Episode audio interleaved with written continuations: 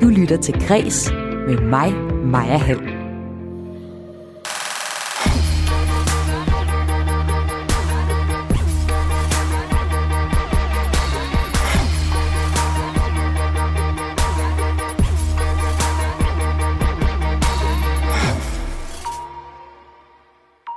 I et fødselsdagsportræt af sangerinden Pernille Rosendal beskriver politikken hende som den smukke pige med det venlige smil, og bruger en del spalteplads på at omtale hendes tidligere parforhold.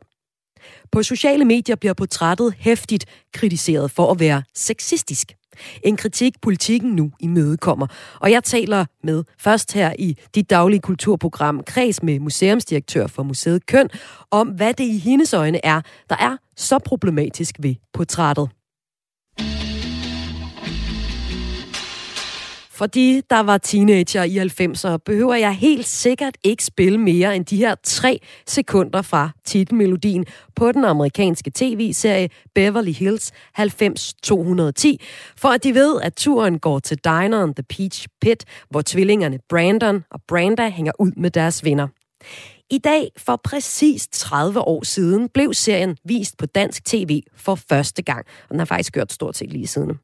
Og sammen med to fans dykker jeg ned i serien og dens betydning for deres generation. I udsendelsen i dag ser jeg også nærmere på en ny oversættelse af Ernest Hemingways første bog. Og i slutningen af udsendelsen får du et portræt af den amerikanske komiker Louis C.K. Han var på toppen af sin karriere, da han pludselig blev centrum for en MeToo-sag. Nu er han tilbage som komiker på dansk jord, når han i aften optræder i København. Jeg hedder Maja Hall. Velkommen indenfor i dit daglige kulturprogram Kres.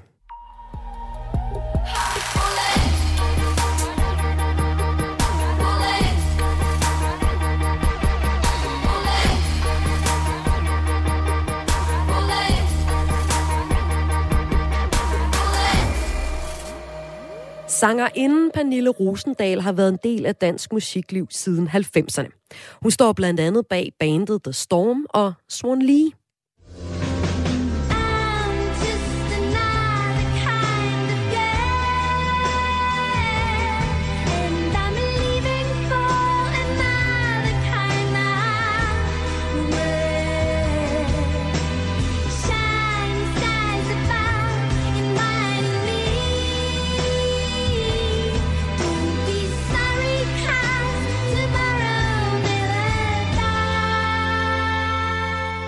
Politikken bragte så i går et portræt af Pernille Rosendal i anledning af hendes 50 års øh, fødselsdag, som er i dag. Og det her møder hæftigt kritik på de sociale medier. Kritikken går på, at det er sexisme, når Rosendal omtales som den smukke pige med det venlige smil, og når hendes musikalske karriere bindes sammen med hendes forhold med musikerne Tim Christensen og Johan Wohlert. Hendes nuværende parforhold med tidligere minister Christian Jensen runder også portrættet af. Kritikken har de taget til sig på politikken, hvor chefredaktør Christian Jensen i en sms skriver til os her på Kreds, at det har bestemt ikke været hensigten, og det vil vi gerne beklage over for Pernille Rosenthal. Han fortæller, at der i morgendagens avis vil være en beklagelse. En af dem, der forholder sig kritisk til øh, det her portræt, det er min første gæst i kreds i dag, og det er museumsdirektør på Museet Køn, Køn Julie Rokia Birk. Velkommen til kreds. Tak skal du have. Hvad var din reaktion, da du øh, læste portrættet her af Pernille Rosendal? Øhm, jeg tror, jeg reagerede, som, øh, som jeg kan se flere andre gjorde, øh, med at synes egentlig, det var lidt kikset øh, her i, i 2022. Øh, jeg synes, det var sådan påfaldende, hvordan øh, øh, hvordan, hvad kan man sige, Pernilles øh, yndighed og det, at hun er kvinde, ligesom øh, øh, strålede igennem øh, hele den her beskrivelse af hende. Altså i det, som egentlig burde være et hyldesportræt i anledning af hendes fødselsdag, det, det blev egentlig sådan lidt øh, subtilt nedladende, synes jeg. Ja, hvornår fyldte øh, hendes køn mere end hendes karriere? Jamen det synes jeg faktisk, det gjorde hele vejen igennem. Øh, og, og, og, og når man først ser det, så kan man næsten ikke se andet. Altså der var meget vægt på netop hendes... Øh, hendes kønne ydre og, og smilende væsen, og så er det sådan en lang gennemgang også af hendes forhold øh, til, til de her øh, kendte, kendte mænd. Øh, og, og der bliver heller ikke talt særlig pænt om hendes, øh, hendes karriere, øh, og, og i hvert fald ikke den, den karriere, hun selv har skabt. Der står også sådan mellem linjerne, at, at, at, at, at den blev båret frem af de mænd, hun var sammen med, synes jeg. Men portrættet beskriver også, øh, helt konkret står der, at hun har et indlysende talent, og det beskriver portrættet også. Altså, øh, det kan jo også læses, det her portræt, lidt som en ærgelse over, at hun ikke har fået så stor gennemslagskraft, som hun fortjener i nogle af de øh, sige, kritiske kommentarer, der er over for, for hendes karriere i det hele taget. Altså, der står jo helt konkret, hun har et indlysende t- talent. Så har du overvejet, om det i virkeligheden også er dig og de andre kritikere, der øh, kun har øjnene på en del af det her portræt? Nej, det synes jeg ikke. Øh, jeg synes, jeg synes det går, går, går igennem hele tiden, øh, det her fokus på øh, ja, det blide væsen. Der står også sådan, at, at nu har hun sådan fundet sin, øh, sin, sin niche i de her kirkekoncerter, og nu kan jeg ikke lige huske, hvad der står ordret, men, men det, det var sådan påfaldende, sådan subtilt nedladende. Sådan læste jeg det helt sikkert. Øh, jeg synes, øh, altså, det som jeg ser, og det som jeg synes er, er fint at kritisere, uden at, at jeg sådan er helt oppe i det røde felt over det her, det er egentlig den der måde at, at se uh, Pernille Rosendal som, uh, som kvinde før, før alt muligt andet. Altså at, at, uh, at det, der bliver dyrket i, i det her portræt, det er, ikke, det er ikke hendes talent, hendes virke, alt det, hun egentlig har formået. Det er egentlig, hvad hun har formået som kvinde, altså i forhold til de her mænd, uh, og i forhold til... Uh, øh, hvad, hvad kan man sige, den her kvindelighed, som netop bliver sådan lidt stereotypt formuleret som, som det smukke ydre og, og det smilende væsen. Og det er jo bare noget, man har kunne se, øh, øh, altså det er beskrivelser af, af, af, af en kvinde, som man har kunne se mange gange historisk, som ja, på en eller anden måde... Jeg prøver lige at sige, hvad, hvad er det her et, et symptom på, hvis du skulle sætte nogle ord på, øh, hvad lige det præcis, det her fødselsdagsportræt af Pernille Rosendal øh, egentlig viser sådan generelt set, øh, Julia Rockjær Birk? Jamen, det er et, øh, det er sådan et klassisk symptom på, at, øh, at, at, at den skabende kunstner øh, på en eller anden måde, øh, altså at, at at, at, den, at den kan ikke ses som en, som en kvinde, eller i hvert fald så, så er man kvinde først. Hun er en kvindelig kunstner, ikke? Og det er jo selvfølgelig fint nok, altså man må gerne sige, at hun er kvinde, det er ikke det, jeg siger, men hendes kvindelighed kommer til at dominere øh, hendes virke øh, fuldstændigt i det her portræt. Øhm, og, og det synes jeg er problematisk, fordi det er også en, en begrænsning af hende, og det er en... Øh, ja, jeg kan, ikke, jeg kan ikke lade være med at tænke, at det er sådan en, ja, en, en, en degradering, eller en, den er nedladende på en eller anden måde, men det er subtilt, fordi der står også pæne ting, ikke? og er det, ikke, er det ikke godt at blive karakteriseret som smuk? Hmm, det ved jeg ikke, altså historisk, så, øh, så, så har man jo virkelig kategoriseret øh, kvinder som, som de yndige øh, væsener, der ikke skulle bryde deres hjerne med, med hverken store politiske eller kunstneriske spørgsmål. Øhm, og, og det er lidt sådan tilbage til, hvad kan man sige, filosofen Kants øh, karakteristik af, af mænds og kvinders fornuft, at mændene havde den rene, høje fornuft, og kvinden havde den smukke fornuft, mm. som ikke var lige så fin som mandens. Og det synes jeg på en eller anden måde bliver reproduceret i det her. Det er ikke sikkert, det er tilsigtet, men det er simpelthen det, jeg ser øh, med mit perspektiv i hvert fald. Og du har også øh, et perspektiv, ud over at være museumsdirektør på Museet Køn, mm. så oplevede du også øh, personligt selv at blive optaget, omtalt som kvinde, da du blev direktør for museet i en alder af 35 år. Øh, hvordan påvirkede det dig? Altså nu er jeg jo kvinde og identificerer mig som kvinde, så det er ikke så meget det, der er problemet. Øh, problemet er, øh, altså for eksempel, hvis jeg, er, hvis jeg får kritik, og det er, det er jeg med på, at, at jeg kan få, det, det skal man være klar over, når man, når man går ind i debatter og sådan noget, men kritikken af mig bliver tit en kønnet kritik. Ikke? Hvordan altså, det for eksempel? Jeg, jeg kan blive, Jamen, jeg kan blive kaldt uh, ung, ung og yndig. Uh, jeg har fået at vide, at jeg har uh, forført magtens mænd til at opnå, opnå de ting, uh, jeg har opnået. Uh, man kan sige, det der, det der er sket for mig, og som jeg tror ret mange kvinder i, i magtpositioner har oplevet, det er, at, øh, at vi på en eller anden måde får, får vores køn øh, hævet ned over hovedet på os. Altså, det vil sige, at, at den kritik, der falder på os, den bliver tit kønnet. Og, øh, og mænd får selvfølgelig også kritik, den er bare ikke kønnet i samme grad, som, som kvinders er det. Og det, øh, det synes jeg er vigtigt at pege på, fordi det er, det er som sagt sådan en gentagelse af, af, af et historisk øh, issue. Og, og hvad har det af konsekvens for ja, hverdagen? Jamen, det, det har den konsekvens, at man, øh, at, man, at man er i fare for ikke at blive taget alvorligt øh, som, altså med det arbejde, man laver. At der altid er sådan et, øh, et filter på, på en eller anden måde. Nå ja, men det er jo bare fordi, hun har...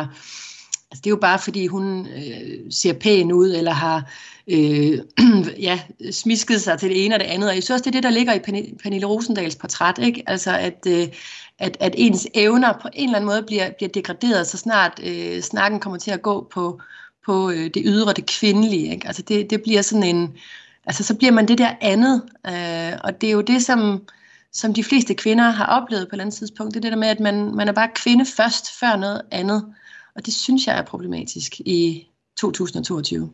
Men så... man kan sige, at det gode ved det her, det er jo, at øhm, altså, at, at ja, der, der er det her øh, portræt, som er lidt kikset. Nu kan, nu kan jeg høre, at politikken også beklager, og det er jo rigtig fint, men det gode er jo, at der netop er en reaktion. Altså, der er i dag en mainstream forståelse af, at det her det er kikset, og der, mm. der kan man jo sige, at vi, er, vi har rykket os rigtig langt, så det er jo positivt. Og så lød det her fra museumsdirektør på Museet Køn, Julia Rockher Birk. Tak fordi du var med i Græs. Selv, selv tak. Vi ville her på Græs på Radio 4 gerne have haft en kommentar fra Pernille Rosendal selv, men det har ikke været muligt. Hun har også 50 års fødselsdag i dag. Hun har nok nok at se til. Vi vil også gerne have haft en kommentar fra politikken, men det har ikke været muligt. Men politikens øh, chefredaktør Christian Jensen skriver så selv til os i en sms. Han skriver, at fødselsdagsomtalen på sociale medier er blevet kritiseret for at være sexistisk i fremstillingen af hendes liv og karriere. Det har bestemt ikke været hensigten, og det vil vi gerne beklage over for Pernille Rosendal. Han fortæller også, at der i morgendagens avis vil være en beklagelse. Om lidt her i dit daglige kulturprogram Kreds her på Radio 4, der fejrer vi, at øh, tv-serien Beverly Hills 90210 nu har kørt på skærmen i hold nu fast, 30 år. Vi øh, fejrer det med to fans, som jeg blandt andet kommer til at udsætte for en quiz. Men først, så skal det handle om øh, Hemingway. Hans første roman, den er nemlig blevet oversat til dansk igen. Du lytter til Græs med mig, Maja Hall. Hvordan oversætter man en af det 20. århundredes vigtigste og mest indflydelsesrige amerikanske forfatter? Man tager sådan set bare en linje af gangen, lyder det for oversætteren, og så gør man det også med enormt stor ærefrygt. Det drejer sig nemlig om oversættelsen af en øh, ny oversættelse af Ernest Hemingways første roman, Solen går sin gang fra 1926. Og øh, ham, der har enormt meget ærefrygt, han er med mig i studiet nu. Rasmus Hastrup, velkommen til Kres. Mange tak skal du have. Hemingway har blandt andet udgivet bøger som Den gamle mand og havet, Farvel til våbne og Hvem ringer klokkerne for. En af de ting, som Hemingway er særlig kendt for, det er hans skrivestil, hvor han bruger det, man kalder antydningens kunst. Altså det er sådan korte sætninger, der ikke skærer handlingen ud i pap, og lige præcis den måde at skrive på, skal vi dykke ned i. Og den har du nemlig været helt tæt på som oversætter. Og du fortæller, at det har været med stor ærefrygt, at du satte dig til oversættelsen af Hemingways første roman her. Hvorfor var det det? Jamen, det er jo en øh, fuldstændig ikonisk forfatter og et fuldstændig klassisk værk, og det giver altid en lille smule kilderne i maven. Øh, jeg havde samme fornemmelse, da jeg oversatte Orwells 1984 øh, hvad, for ikke så længe siden. Hvad er du bekymret for? Jamen, netop fordi det er så kendt et værk og så kendt en forfatter, så er der utrolig mange mennesker, der har en holdning til bogen og forfatteren, og hvad man skal gøre, og måske også, hvad man ikke skal gøre.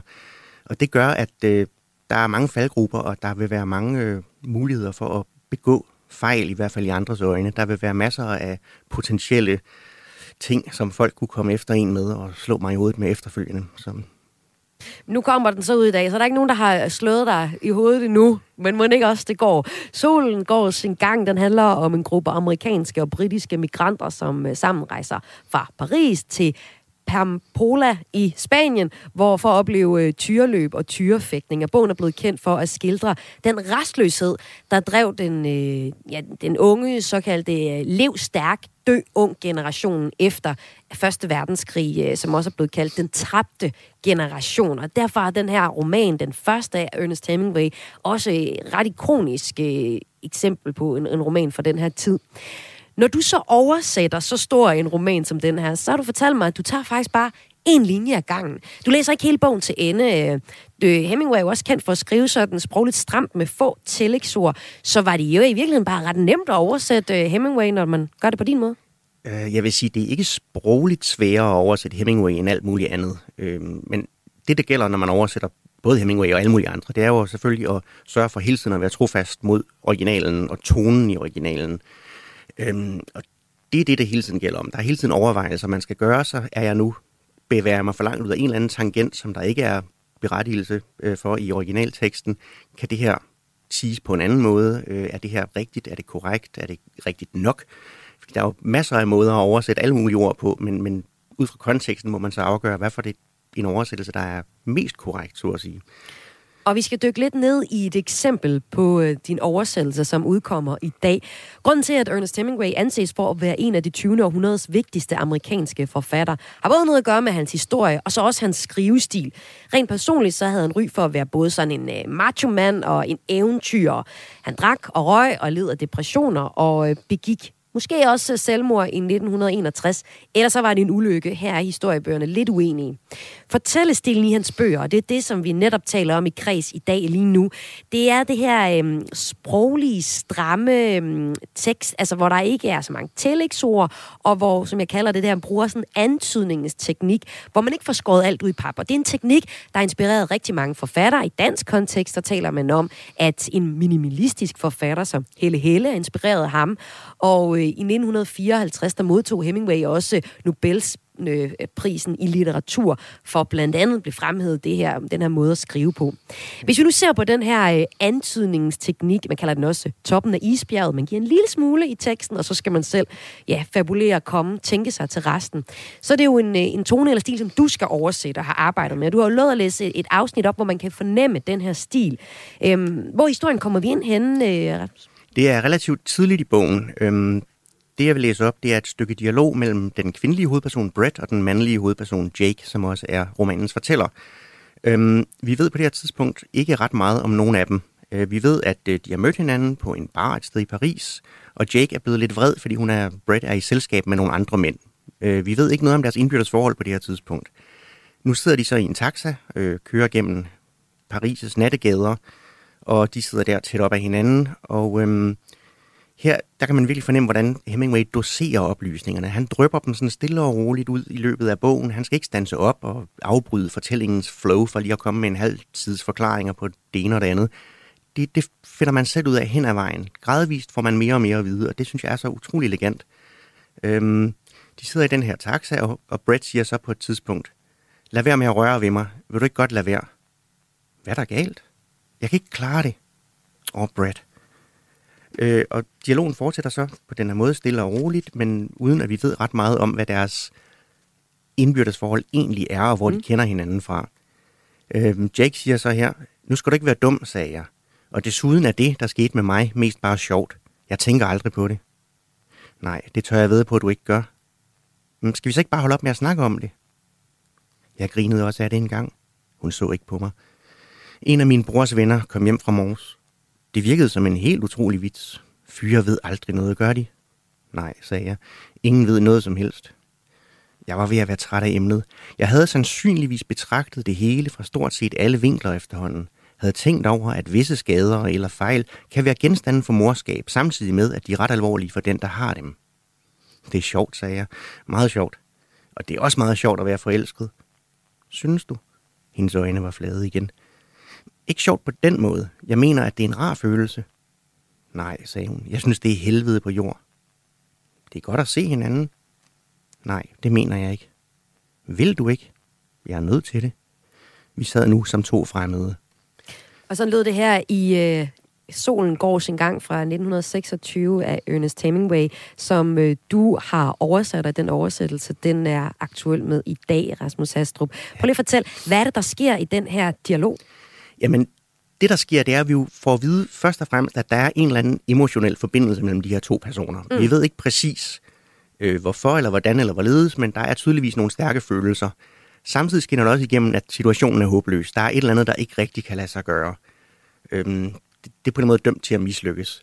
Vi har tidligere i bogen, lidt tidligere, fået at vide sådan helt en passant, at øh, Jake er blevet såret i krigen, og er kommet hjem med en eller anden skade, og som der så også bliver hensydet til i denne her lille passage.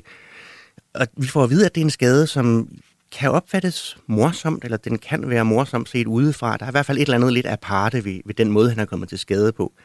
og som muligvis er med til at gøre, at situationen er så håbløs. Men mere får vi ikke at vide på det her tidspunkt. Det, det kan vi selv sidde og tænke videre over. Og i løbet af de næste adskillige kapitler bliver der så drøbet lidt flere oplysninger ud til os, øhm, så vi gradvist får stykket et mere komplet billede sammen øh, af, af deres indbyrdes relation og af Jakes krigsskade. Ja, de har jo sådan en meget fin uh, dialog der med sådan noget, det er sjovt, sager. Meget sjovt. Og det er også meget sjovt at være forelsket. Ja. Synes du? Hendes øjne var flade igen. Altså, der mærker man den der uh, dynamik. Der er en, der er jo rigtig meget i de her meget enkle sætninger. Altså, der bliver sagt, synes du, hendes øjne var flade igen? Der bliver sagt meget mellem linjerne ja. i, uh, i teksten her. Som oversætter Rasmus Hastrup, hvad skal man så være særlig opmærksom på, når man oversætter en, en som Hemingway, der skriver så lidt, som han gør, eller hvad skal man skrive så enkelt, som han gør? Man skal først og fremmest sørge for at være meget trofast mod tonen i originalværket. Der ja. er ingen grund til at begynde at enten skære for meget fra, det kan man selvfølgelig næsten ikke, eller begynde at lægge til. Det er meget vigtigt, at man holder sig helt inden for rammerne af de oplysninger, han selv giver. Man kan godt måske være fristet til nogle gange, hvis en sætning skal være en lille smule mere læsbar på dansk, og så lige tilføje et adjektiv eller noget tilsvarende. Men det, det går simpelthen ikke. Det er meget vigtigt, at, at det doseres på samme måde i den danske oversættelse, som det bliver gjort i originalen. Og øh, det er altså den oversættelse, som øh, du er aktuel med i dag, Rasmus Hastrup. Ja. Tusind tak for, at du var med i Kreds i dag. Selv tak, det var en fornøjelse. Som altså har oversat øh, Ernest Hemingways første roman, Solen går sin gang. Bogen den udkommer på forlaget Lindhardt og Ringhof, og det gør den altså i dag. Om lidt her i Græs, som er dit daglige kulturprogram her på Radio 4, der får du et portræt af den amerikanske komiker Louis C.K. Og det gør du i anledning af, at han i aften optræder i Royal Arena i København. Louis C.K. han var på toppen af sin karriere, da han i 2017 blev centrum for en MeToo-sag. Nu er han så tilbage som komiker, og det er han også på Dansk Jord i aften. Og vi skal høre comedy Torben Sangil give et portræt af komikeren sidste udsendelsen, og høre ham, hvordan han forholder sig, som også stor fan af Louis C.K., til den her MeToo-sag. Kan man gå ind og se Louis C.K. uden at have den sag i baghovedet? Det skal det handle om sidst i udsendelsen. Men først, der zoomer jeg helt ind på en ikonisk ungdomsserie, der i dag har kørt i 30 år på dansk tv. Du lytter til Græs med mig, Maja Hall. I dag er det 30 år siden, at du for første gang kunne høre den her melodi i dit tv.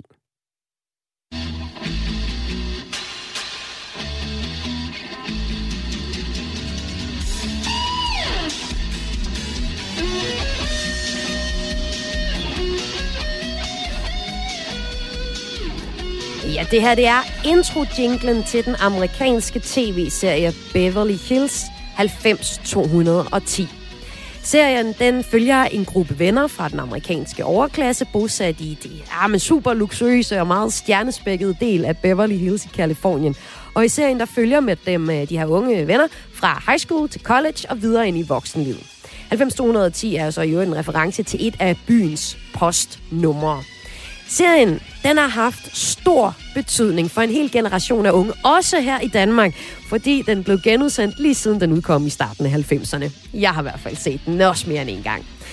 Det her, og lige hvilken præcis hvilken betydning den har haft for den, øh, dem, der var unge i 90'erne, det skal vi tale om nu. Det skal nemlig tale med to, som er store fans af også serien. De har lavet fanpodcasten Besat af Beverly, og med i studiet her i Græs på Radio 4 har jeg nu Louise Hagemann og Jon Fiala Bjerre. Velkommen til Græs.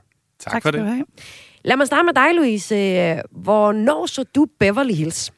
Jamen, det gjorde jeg første gang, faktisk, da den øh, kom første gang i 92. Mm. I dag, måske ikke lige præcis i dag, men, øh, men første gang den blev sendt, kan jeg huske, at det var sådan en begivenhed, som der var meget opmærksomhed omkring det her med, at der skulle komme sådan en ungdomsserie, som vi ligesom skulle rykke sammen i sofaen, og en amerikansk ungdomsserie, ja. og se sammen. Var det så lidt første gang? Ja, det, det var det. Øhm, men altså der, hvor den sådan virkelig har, har slået sig fast for mig, har jo været i genudsendelserne senere, fordi jeg har trods alt kun været en, en 8-9 år dengang. Men jeg kan godt huske det. Hvor mange gange tror du, du har set den? Jamen, det er jo svært at sige, fordi det er jo ikke ligesom med Matador, at man sådan ser den fra øh, ende til anden hver gang. Men altså, jeg har jo set nogle episoder, vil jeg tro, jeg har set 20 gange, og nogle har jeg måske set, og, og nogle har jeg slet ikke set. Okay, okay, men det er godt nok at høre, fordi øh, hvad med dig, Jon? Altså, jeg har hørt, at du har en, en uh, Branda-dukke, så du er også lidt sådan en merch-fan på en lille, det, lille det, er ikke en, det er ikke en Brandon, det skal lige siges. En det Branda? Er, øh, vi er Branda og Dylan, har jeg. Okay. Øh, ja. Øh, og det, jamen, det er ikke, fordi jeg er så stor med sådan noget merch, men, men jeg Men lidt. Men lidt. Ja, man skal lige have lidt. Og det, og det skal siges, de er jo i, det, i original indpakning med alt øh, beachwear Okay, og så videre. kæmpe fan. Ja, ja, det må man sige. Øh, jeg fandt dem i sådan en øh, genbrugsforretning i USA, og var sådan helt, wow! Og det er jo sjovt, der mærker man jo forskellen, for USA var det kæmpestort der i start 90'erne, og så, og så kørte det lidt ud, hvor Danmark har det jo ligesom bare kørt igen og igen og igen. Øh, så jeg havde, en, jeg havde en amerikansk kæreste, og hun anede ikke, hvad jeg snakkede om, da jeg ligesom blev sådan helt, oh, den hellige gral har jeg fundet her. Og jeg kan huske, da jeg skulle ud i lufthavnen, og der var sådan en stor security-fyr, der bare var sådan, sir, what is this? Og jeg var sådan, om det, det er bare det her. Og så hun sådan lidt, min, min ekskæreste der var sådan, it's his dolls. og jeg var sådan, det er altså ikke sådan, det er. Det er ikke sådan, det er. Det er rigtig Det stort, er fordi, det, her. er en kæmpe serie, det her. Det er kæmpestort, ikke Det også? er mega stort i Danmark. Ja. Og øh, I er så også øh, lidt større fans end, øh, end gennemsnittet, vil jeg sige. Og om lidt her i Kreds, der skal vi øh, teste jer, hvor store I så er. Fordi jeg kommer til at quizze jer i Beverly Hills. Og dig, der lytter med, du er selvfølgelig også velkommen til at quizze med. Det er nemlig i dag 30 år siden, at TV2 i 92 viste den her amerikanske serie Beverly Hills 90210 for første gang. Det er en serie, som vi jo allerede nu jeg vil sige, har haft stor betydning for jer, men jo også for hele generationen. Den er blevet sendt så mange gange. Hvis man ikke har set den første gang, så har man set den øh, i øh, nogle af de genudsendelser, som der har været. Og øh, nu tror jeg, det er TV2 Zulu, der øh, også genudsender nu og da. Så man bliver ved med at kunne få lov at se den her.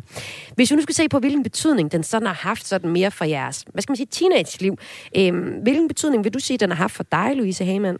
Jamen, jeg føler faktisk lidt, det er sådan et øh, familiemedlem, man er vokset op med, øh, som altid har været der på forskellige tidspunkter i ens liv, hvor det både har været det der med, med drømmene om det amerikanske liv, som var sådan utrolig langt væk fra et liv i Nordjylland, øh, hvor der ligesom var øh, stranden og surf, og de havde det der sted med Peach Pit, og de skulle til prom og sådan nogle ting. Jeg kan også huske, at det var sådan en drivkraft på, at, at vi arrangerede øh, prom i 3.G øh, til et kæmpestort underskud i øvrigt, men det, øh, men, men det skulle være der, ikke? Og så samtidig, så var det jo det der med, at de gennemlevede alle de her ting. Altså, man kunne ligesom, det var der, man fik sin information fra. På det her tidspunkt var der jo ikke øh, en masse tv-serier, man selv kunne vælge. Der var ikke en masse sociale medier, man kunne få det fra. Der var sådan, jeg kan huske, jeg havde sådan nogle øh, piger 1995-bogen, og så havde du ligesom 150 sider, der dækkede alt om piger i det der år. Og det, det var øh, sådan den primære infokilde der i, i 90'erne, øh, følte jeg. Så, så man er ligesom blevet, jeg er blevet præsenteret for meget af det der, der var på vej. Altså øh, alle de temaer, de behandler, spiseforstyrrelser og voldtægt og sex første gang og mobning og identitetskrise, alle de her ting, som man ligesom var på vej ind i. Så den var faktisk på en måde first mover på nogle emner, der var ret aktuelle, når man sad som teenager der om eftermiddagen med, øh, jeg spiste øh, pålægtschokolade på knækbrød, kan jeg huske, og så. Ja. det gik jeg hver eftermiddag, og så fulgt med i øh, et par afsnit af Ja. Beverly Hills. Serien øh, løb jo i næsten 300 afsnit, så der er også mange tematikker, de kunne komme omkring. Øhm, Jon, var der et afsnit, eller er der nogle tematikker, som havde særlig betydning for dig? Mm, altså, jeg tror, jeg tror lidt, at, at hvad hedder det, øh, nogle af de her, øh, hvad hedder det, tematikker omkring øh, forældre, øh, altså især det her, de her forskelle på, på rig og fattig, altså at man fik den der fornemmelse af, at det var ikke nødvendigvis det bedre at have alt det gode udstyr, alt det fede tøj, alt det man måske savnede i en, nogle gange i, i sådan en, en barndom i Nordjylland, øh, for, fordi der var, øh, der var den her nærhed, som var i, i Brenda og Brandons familie. Øh, så jeg tror, jeg tror den der med at lige sådan få, få, få det her værditjek, øh, det var godt i forhold til det. Og så tror jeg, i forhold til mig, så var det, så var det sådan, det kom lidt i forskellige faser, hvordan man havde det med serien. Altså, i begyndelsen, så var det jo sådan noget, der var på, på nogle af vennernes storesøstres værelser, og så, og så synes man, det var spændende at så op til det. Og senere, så var det, da pigerne i klassen, de brændte plakaterne af, af Jamie Walters, som, som, øh, som var Ray Prude, ikke? Der, der skubbede Donna ned ad trappen. Øh, og senere, så blev det sådan lidt sådan en ironisk distance, at man, at man øh, gik lidt ned og fik den lokale grillbar, så var det Peach Pit. Øh, og, og til sidst så har det jo nærmest været sådan, at, at jeg har set serien så mange gange, at det kan nogle gange være lidt svært at adskille mine egne minder fra, fra Brandons minder, ikke? Og på et eller andet tidspunkt, så bliver man sådan... Okay, du er Brandon, du identificerer jo, som Brandon. Vi, vi, ja, jo, vi, jo også, vi er jo også en årgang, som ikke har haft sociale medier. Vi har ikke mm. haft den der på samme måde øh, dokumenteret ungdom en til en. Men det fik vi jo lidt igennem Beverly Hills, og det kan jeg huske på et eller andet tidspunkt, øh, da, da serien ligesom kører på genudsendelse på 10 år, jeg tænker, er jeg overhovedet klar til, hvis de stopper med at sende den? Ikke? Mm. Fordi, fordi jeg, jeg, jeg får sådan lidt separationsangst. Ikke? Altså, så, så, så branderne er sådan lidt, lidt mine egne ungdomsminder også. Og nu er I så også gået i gang med at se øh, serien igen, igen, igen, igen, har jeg lyst til at sige, fordi Louise Hagemann og Jon Fiala Bjerre, I ser nu øh, serien her i forbindelse med jeres fanpodcast, Besat af Beverly, og jeg har inviteret jer med ind i kreds i dag, fordi det er 30 år siden, at Beverly Hills var øh, rullet over de øh, den danske skærme for første gang, og har jo stort set gjort det lige siden. Øhm, Louise Hagemann, du var inde på, at der var en masse forskellige tematikker, som øh, Beverly Hills tog op, og som du også sådan sådan suget til dig, både måske noget, du selv kunne bruge, men også sådan ret nysgerrig på det amerikanske ungdomsliv. Der var også nogle øh, temaer, som øh, serien tog op, hvor den var ret meget first mover, også bare i kraft af, at det var en stor ungdomsserie som den første. Øhm, prøv, hvad er der for eksempel for nogle tematikker, du synes, at Beverly Hills gjorde særlig godt? Jamen, vi har for eksempel lige for nylig siddet med en øh, episode, hvor at øh, de behandler øh, snakken om AIDS. Øh, mm. Og, og Jon og jeg kunne begge to huske det der med, at vi havde altså den der følelse i barndommen af sådan lidt en alt overskyggende fare, men ikke rigtig vidste, hvad var. Jeg ved ikke, om man kan tillade sig at sammenligne, sammenligne det lidt med pandemien, men det der med, at man vidste ikke helt, hvor bange man skulle være, om det var noget, der ramte en, hvordan det ramte en, men det var noget, som folk talte om, uden helt at tale så meget om det endnu. Mm. Og der var, øh, der var Beverly rigtig tidligt med i starten af 91, altså før øh, Freddie Mercury og før Magic Johnson og så videre kommer ud og siger, at øh, de har AIDS, hvor de ligesom øh, laver et øh, afsnit eller en episode dedikeret til det, og får vist, at det er helt almindelig high school pige, der øh, kan få AIDS, og altså ikke bare homoseksuelle og heroinmisbrugere, som man lidt havde en opfattelse af.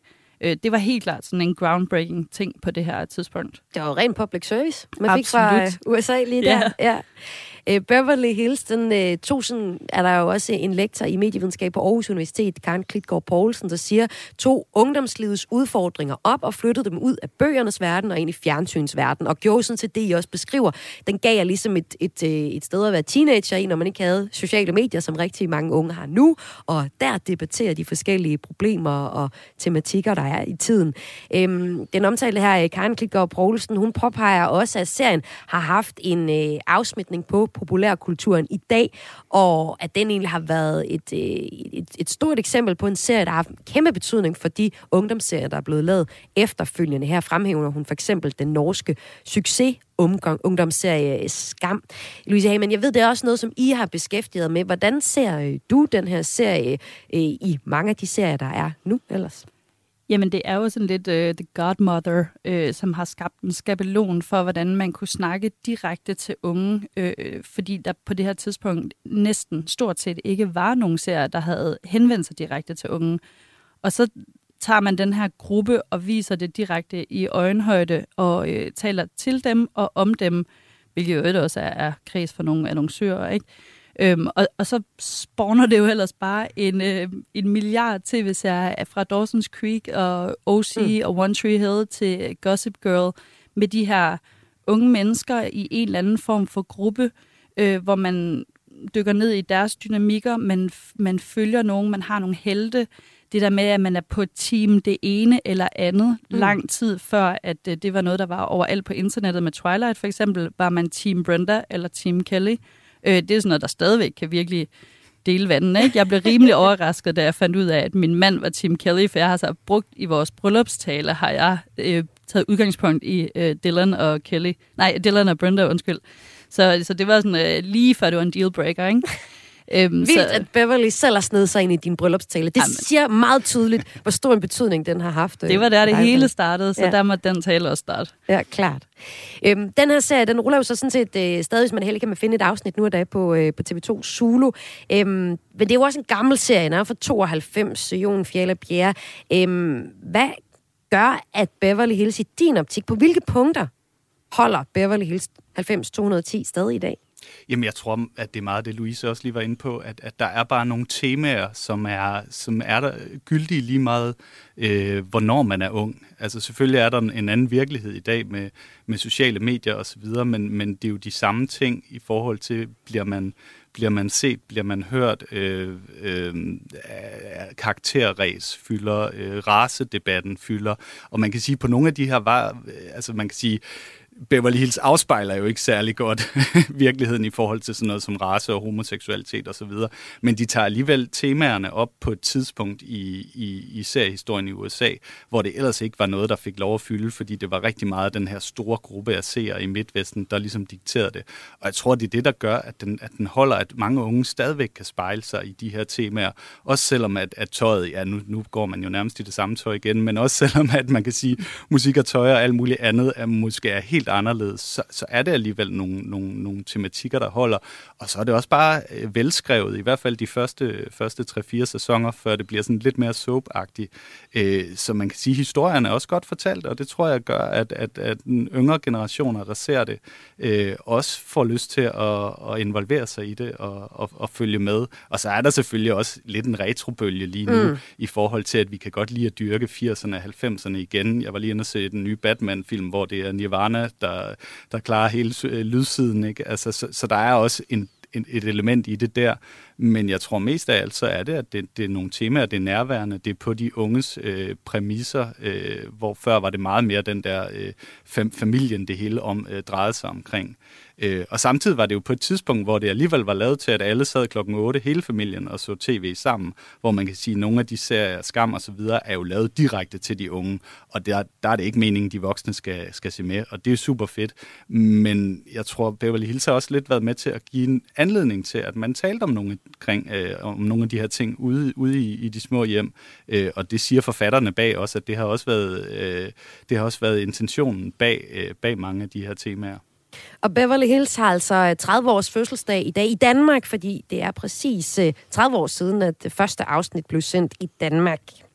Det var så snakken om, hvilken betydning Beverly Hills har haft for jer, og også for jeres venner, altså en hel generation af unge, der var unge i 90'erne, og hvilken betydning serien har haft for jer. I er jo også store fans, jeg tog jeg har med, fordi jeg har jo en hel podcast, hvor I, I taler om Beverly Hills. Louise Hagemann og Jon Fjalla Bjerre. I er med mig her i Kreds i dag for at fejre fødselsdag, men også for at blive testet. Uh-oh. Ja, det vi kan ikke. Det er nu. Det er simpelthen nu, det sker.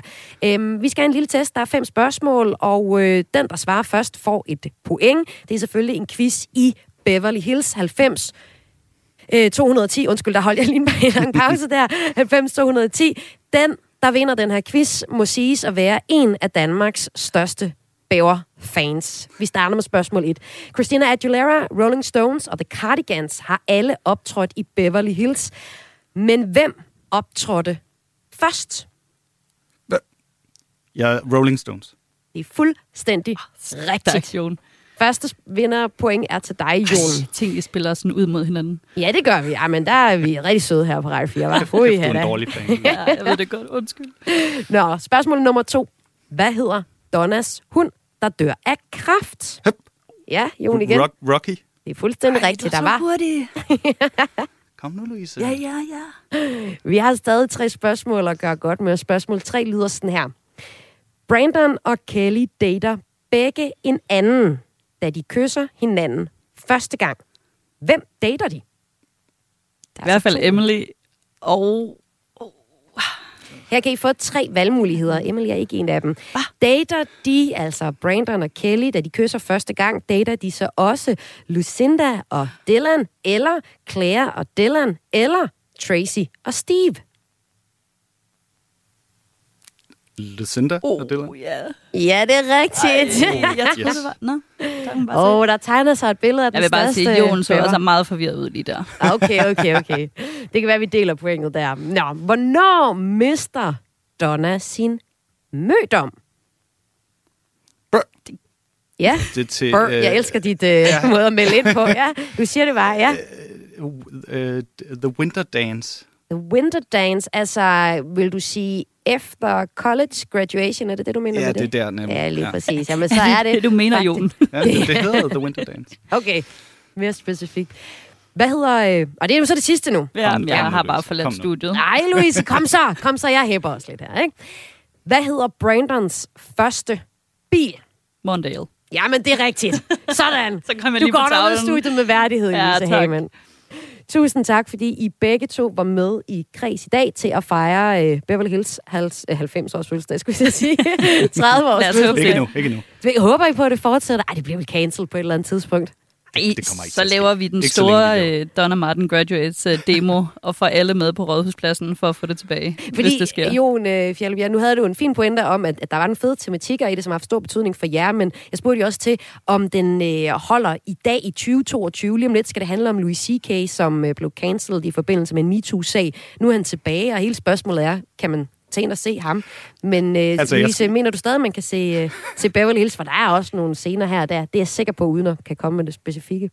Altså, det skal du næsten svare på, Jon, fordi... Øh, Jeg skal ind og se Louis C.K. lidt senere, så, så det synes jeg godt, man kan. Og man kan også godt se Beverly Hills. Det lyder, det mener I i hvert fald. ja, Louise Hamann og Jon Fjellbjerg, tusind tak, fordi I var med i Kreds i dag. tak fordi du måtte. tak.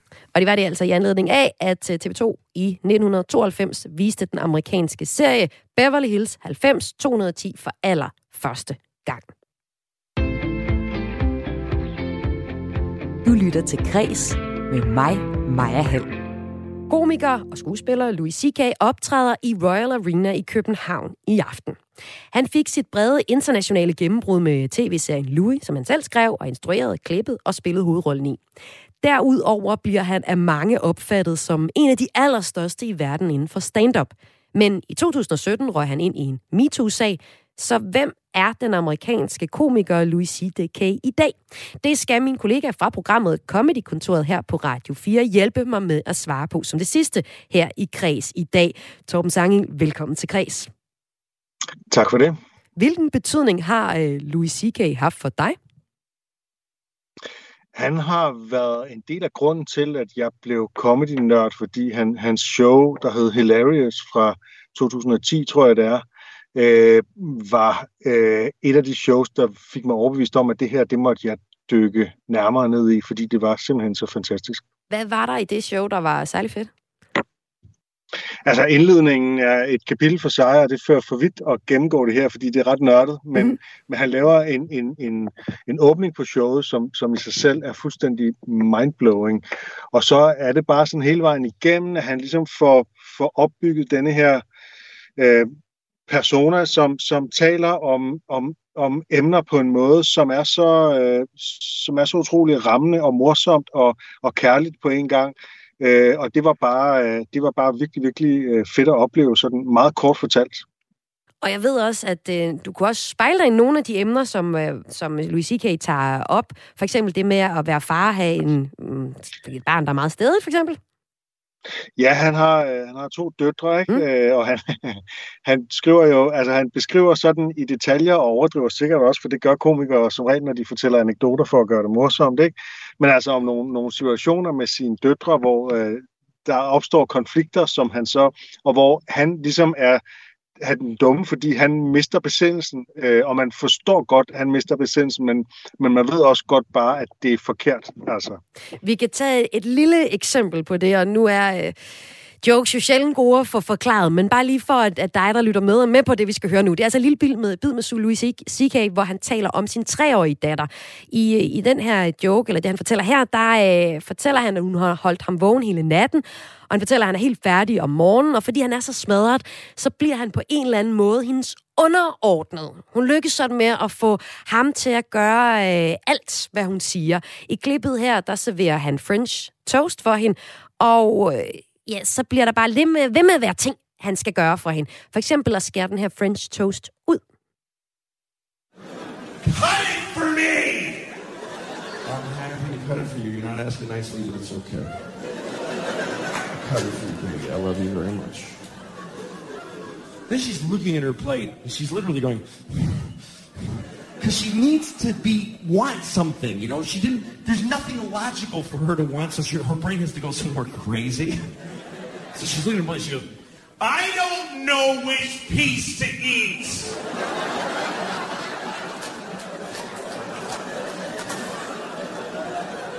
And I'm still not engaging. I'm like, oh, I know, honey, that's hard. That's really hard. I'll just make a list of pros and cons for every piece, and I'll help you with it later. Ja, jeg tror, vi alle sammen godt kender det med lige pludselig at blive en slave af ens eget barn, selvom det ikke er særlig gammelt. Det er det i hvert fald øh, en af de jokes. sådan kan en joke fra øh, Louis C.K. lyde, eller det er jo bare et lille klip fra den, fordi det er jo meget større kontekst. Og jeg vil opfordre dig, der lytter med til at gå ind og se lige præcis den her om hans treårige datter. Den kan du blandt andet finde på YouTube. Louis C.K. Øh, er et kunstnernavn. Det er en fonetisk omskrivning af han, hans ungarske efternavn. Han er nemlig ungarsk, jødisk, irsk og amerikanske rødder. Det har han, men han er opvokset i Boston i USA. Omkring øh, 2010, der var Louis C.K. Øh, en af de største på den amerikanske stand-up-scene. Han øh, leverede det prisbelønnede show Hilarious, som du også lige fremhævede, Torben Sangel, i 2010. Og sammen med showet Oh My God, der kom tre år senere, det er nogle shows, der tit bliver fremhævet, når man siger Louis C.K. Nogle shows, der også bliver fremhævet som øh, hovedværk i amerikansk øh, stand-up. Tom Sangen, i anledning af Louis C.K. optræder i Danmark i aften, der skal vi se på, hvorfor han bliver betragtet som en af de allerbedste inden for sit felt. Det har du en masse gode pointer om, og vi dykker ned i et par af dem her. Det ene, det er, at du siger, at det han gør så super godt, det er hans levering. Hvad betyder det? Jamen altså, et er, at komikere fortæller jokes, de har, der er et indhold, der er, der er nogle ord, der skal siges, men måden, de bliver sagt på, er også meget afgørende. Øhm, og Louis C.K. har en meget, meget naturlig levering. Man kan, man kan stille ham op imod uh, Jerry Seinfeld, som mange vil kende, der uh, sådan har, der er det tydeligt, at det sådan er meget skrevet, at han, han øh, fortæller tingene meget rytmisk, meget musikalsk, gør Jerry Seinfeld, men det, er, men det lyder også skrevet, fordi alle ord falder perfekt. Der er Louis C.K. har sådan en mere levende, snakkende måde at, at gøre det på, samtidig med, at man øh, hvor øh, øh, for eksempel Seinfeld, han sådan ser ud som om, at ja, ja, nu siger jeg det her, der er Louis C.K., han er på en eller anden måde til stede i det, han siger. Mm. Han har den der, det der ansigtsudtryk af, at det her er virkelig interessant. Det er som om, han synes, det er interessant hver gang, han siger det, selvom han har sagt det 300 gange før, på stort set den samme måde. Ja, så kommer han også nogle gange til at... Og det virker at, bare. At, de, ja, og kommer nogle gange til også at, at tilføje noget ekstra, virker det som. Nu genså jeg lige Sincerely i går aftes, hvor han også nogle gange kommer til at sige noget, og sådan sådan, nej, det skulle jeg aldrig have sagt. Altså, øh, tror du også, han improviserer, eller er han bare så god til at, at levere? det er jo et trick øh, i stand-up, at man, øh, hvis vi for eksempel man laver fortalelser, hvis man har lavet en fortalelse, der virker, så laver man den igen øh, okay. næste dag, øh, og lader som om, at øh, man lavede den for, for første gang, fordi at folk elsker sådan noget. Ikke? Ja. Øh, så så, så øh, det, det kan meget vel være konstrueret. Han er, man, han er så god til det, at man vil ikke kunne se, altså, se eller høre forskel på, om han gør det ene eller det andet. Det var så sådan det rent tekniske, som du fremhæver ved Louis C.K. De næste pointe, den handler om, at han øh, får dig til at, at tænke og også at blive rørt. Hvordan gør han det? Jamen, han er, øh, han er, han siger faktisk mange kloge ting, øh, men han får dem ikke til at lyde kloge. Altså, han, han lyder ikke belærende. Øh, han, han, han, for, han siger kloge ting på en dum måde, kan man sige, ikke? hvilket er en god ting, når man er, er komiker. Og altså, det primære er jo at få folk til at grine, når man er komiker, men hvis man også kan få dem til at tænke, så synes jeg, det er fantastisk. Og hvis man også kan øh, gøre folk, berøre folk, øh, så, er det, så er det jo to dimensioner, der bliver lagt oveni, og det synes jeg, han kan øh, i flere af sine bidder. Altså nogle af mine yndlingsbidder, der bliver jeg stadig rørt, selvom jeg har hørt dem rigtig mange gange, når jeg hører dem, fordi det simpelthen et eller andet sted, selvom det er øh, vanvittigt morsomt og, og eftertænksomt og alt muligt andet, så er det også bare enormt smukt. Kan du komme med et eksempel på det? Han har en, en bid, øh, som øh, nogle gange går under navnet Cell Phones and Flying, der handler om vores forhold til teknologi, og det handler på en eller anden måde om mig, om jeg er typen, der skælder ud på min computer, på min telefon, når det ikke virker, øh, og hvor han ligesom vender den om og siger, det er, jo, det er jo fantastisk det her. Altså tænk på, at alle de ting, som, som, som det kan, i stedet for at tænke på de små ting, vi ikke kan, og så gør han tyk grin med noget, som i sidste ende nok er ham selv, men altså folk, som brokker sig så snart, at der ikke lige er perfekt internetforbindelse eller et eller andet. Ikke? Meget kort fortalt, det er en skide, det er en lang bid, men den er virkelig, virkelig god, og man skal høre den. Jeg kan slet ikke øh, gengive, hvorfor den er sjov her.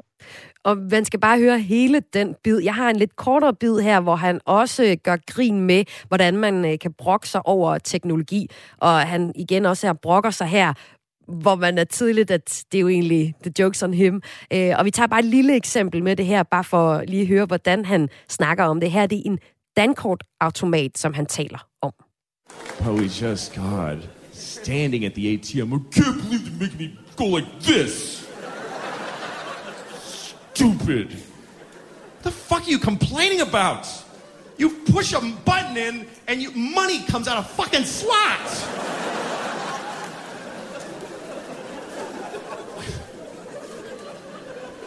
It didn't used to be that way. When I was younger, you had to go in the bank. Remember that? You had to go inside the bank. Now you look in the bank, you're like, what are those people doing in there? Are they cleaning? The money's out here. Ja, her var det et lille klip med Louis C.K., som brokker sig over øh, dankortautomaten, og så vender den om og siger, at den er også øh, ret fantastisk, hvis man sammenligner med, at tidligere, der skulle man gå ind i banken for at øh, hæve penge. Og grunden til, at vi taler og har sådan en klip her med Louis C.K. lige nu, det er, fordi vi giver her i Græs på Radio 4 i dag et portræt af ham i anledning af, at øh, han i dag kommer med et show i Danmark i Royal Arena i aften. Og med mig har jeg Torben Sangel, som også er vært på øh, Comedy-kontoret her på Radio 4, altså en comedy-podcast. Vi øh, kan ikke helt undgå at nævne den øh, MeToo-sag, der øh, rammer, eller der sker i 2017, hvor Louis C.K. egentlig er på toppen af sin karriere. Hvad er det, der sker, Torben Sangel? Ja, altså det er jo en, det er en lidt kompliceret slag, men jeg skal prøve at gøre det helt kort. Han har ved flere lejligheder for mange år tilbage, og tilbage i nullerne, blottet sig over for øh, kvinder på sit kontor, yngre kolleger, i hvert fald nogle af dem, øh, til deres store forbløffelse. Nogle af dem har han spurgt om lov på forhånd, men de troede, det var en joke. Øh, så han har simpelthen altså trukket bukserne ned og, og onaneret foran dem. Øh, øh, simpelthen en, en blotter adfærd, som øh, de, de selvfølgelig er, har påvirket dem, men som jo ikke er et, altså det er jo ikke sådan et, et fysisk overgreb.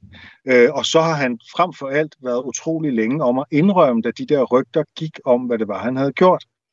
Øh, og måske er den der med, at han ikke ville indrømme det, han ikke ville øh, stå frem og, og, og lægge sig fladt ned og, og forklare, hvad, hvad det var, der foregik, var, er måske hans, hans største sådan, forbrydelse i, i den øh, anledning.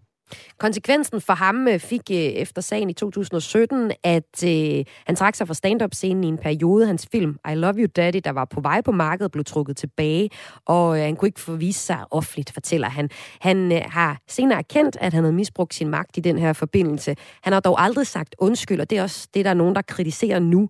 Øh, Torben Sangel, mange fans øh, har bagefter følt sig øh, skuffet over hans måde at reagere på. Hvordan havde du selv det med det, hans reaktion? Jamen, jeg var også virkelig skuffet, og som sagt især over, at han ikke øh, stod frem. Jeg tror nu faktisk, han har undskyldt, men det er lidt uklart med, hvem, hvem han har undskyldt til, mm. hvornår og sådan noget. Ikke? Øhm, og så er der hele spørgsmålet, hvordan kommer han så tilbage? Altså, hvor, hvor meget hvor meget empati udviser han over for dem, når han så stiller sig op på scenen igen efter et år eller mere pause. Øh, og det var måske sådan, der kunne man måske godt have, have håbet, han ville tage lidt mere deres parti, men øh, det er svært at vurdere, hvad skal, hvad skal man gøre i, i hans situation. Øh, der er i hvert fald begået nogle, nogle ærgerlige, virkelig øh, nederen ting, som gør, at jeg også havde svært ved ligesom øh, at skulle se ham igen. Altså, det, det kræver noget overvindelse, mm. hvis jeg skal være helt ærlig. I 2020, der kommer Louis C.K.'s nye show, Sincerely, oprigtigt på dansk. Her øh, taler han også om sagen. Bagefter så er meningerne delte. Nogle mener, han klarer det fint, mens andre synes, det er for dårligt, han ikke kommer med en, øh, en helt uforbeholden undskyldning. Øhm, nu er det jo så i aften, at han er aktuel i, i København. Øhm, hvordan har du det med det show? Ja, det har jeg jo ikke set endnu. Altså, men, eller du sincerely? Nej, men jeg tænker, om, hvordan du har det med, og at det show, det er i Danmark. Du kan tænke dig at se det. Gør du det? Ja, jeg skal derind i aften. Øh, øh, og jeg var, sådan, jeg var lidt i tvivl, men altså, jeg har også set hans forrige show, og øh, Øh, han optrådte faktisk på Comedy Zoo i går på Open Mic, så det så Nå. jeg også. Det var også okay, vildt. Ja, det var, det var sådan en lille hemmelig uh, surprise-optræden uh, for, uh, for alle Københavns komikere og pludselig et andet publikum. Ja. Men uh, hvad hedder det? Uh, jo, det skal jeg. Jeg skal, jeg skal selvfølgelig ind og se ham. Uh, og altså, er der nogle men, jokes, han ikke kan lave? Ikke, jeg tror, det er svært for ham at lave onani-jokes øh, eller blotter jokes, uden at det refererer til hans historie, vil jeg sige. Og sådan lød det her fra Torben Sangel fra Comedy-kontoret her på Radio 4. Tusind tak, fordi du var med. Selv tak. Og Torben Sangel var med i dag for at give et perspektiv på komikeren Louis C.K., som man altså kan opleve i Royal Arena i København i aften. Programmet her, det var tilrettelagt Aline Grønborg Poulsen, Søren Berggren Toft og Esben Lund, og jeg har været din vært de sidste 55 minutter, hvor du har lyttet til Radio 4's øh, daglige kulturprogram Kreds, her altså på kanalen. Hvis du kunne tænke dig at komme i kontakt med os, så er du altid velkommen til at sende os en mail på kreds radio4.dk, og det er k r a e s radio4.dk. Her kan du skrive ind med tips og kommentarer til, hvad vi skal tale om i programmet. Efter et nyhedsoverblik, så er der eftermiddagsprogrammet Missionen.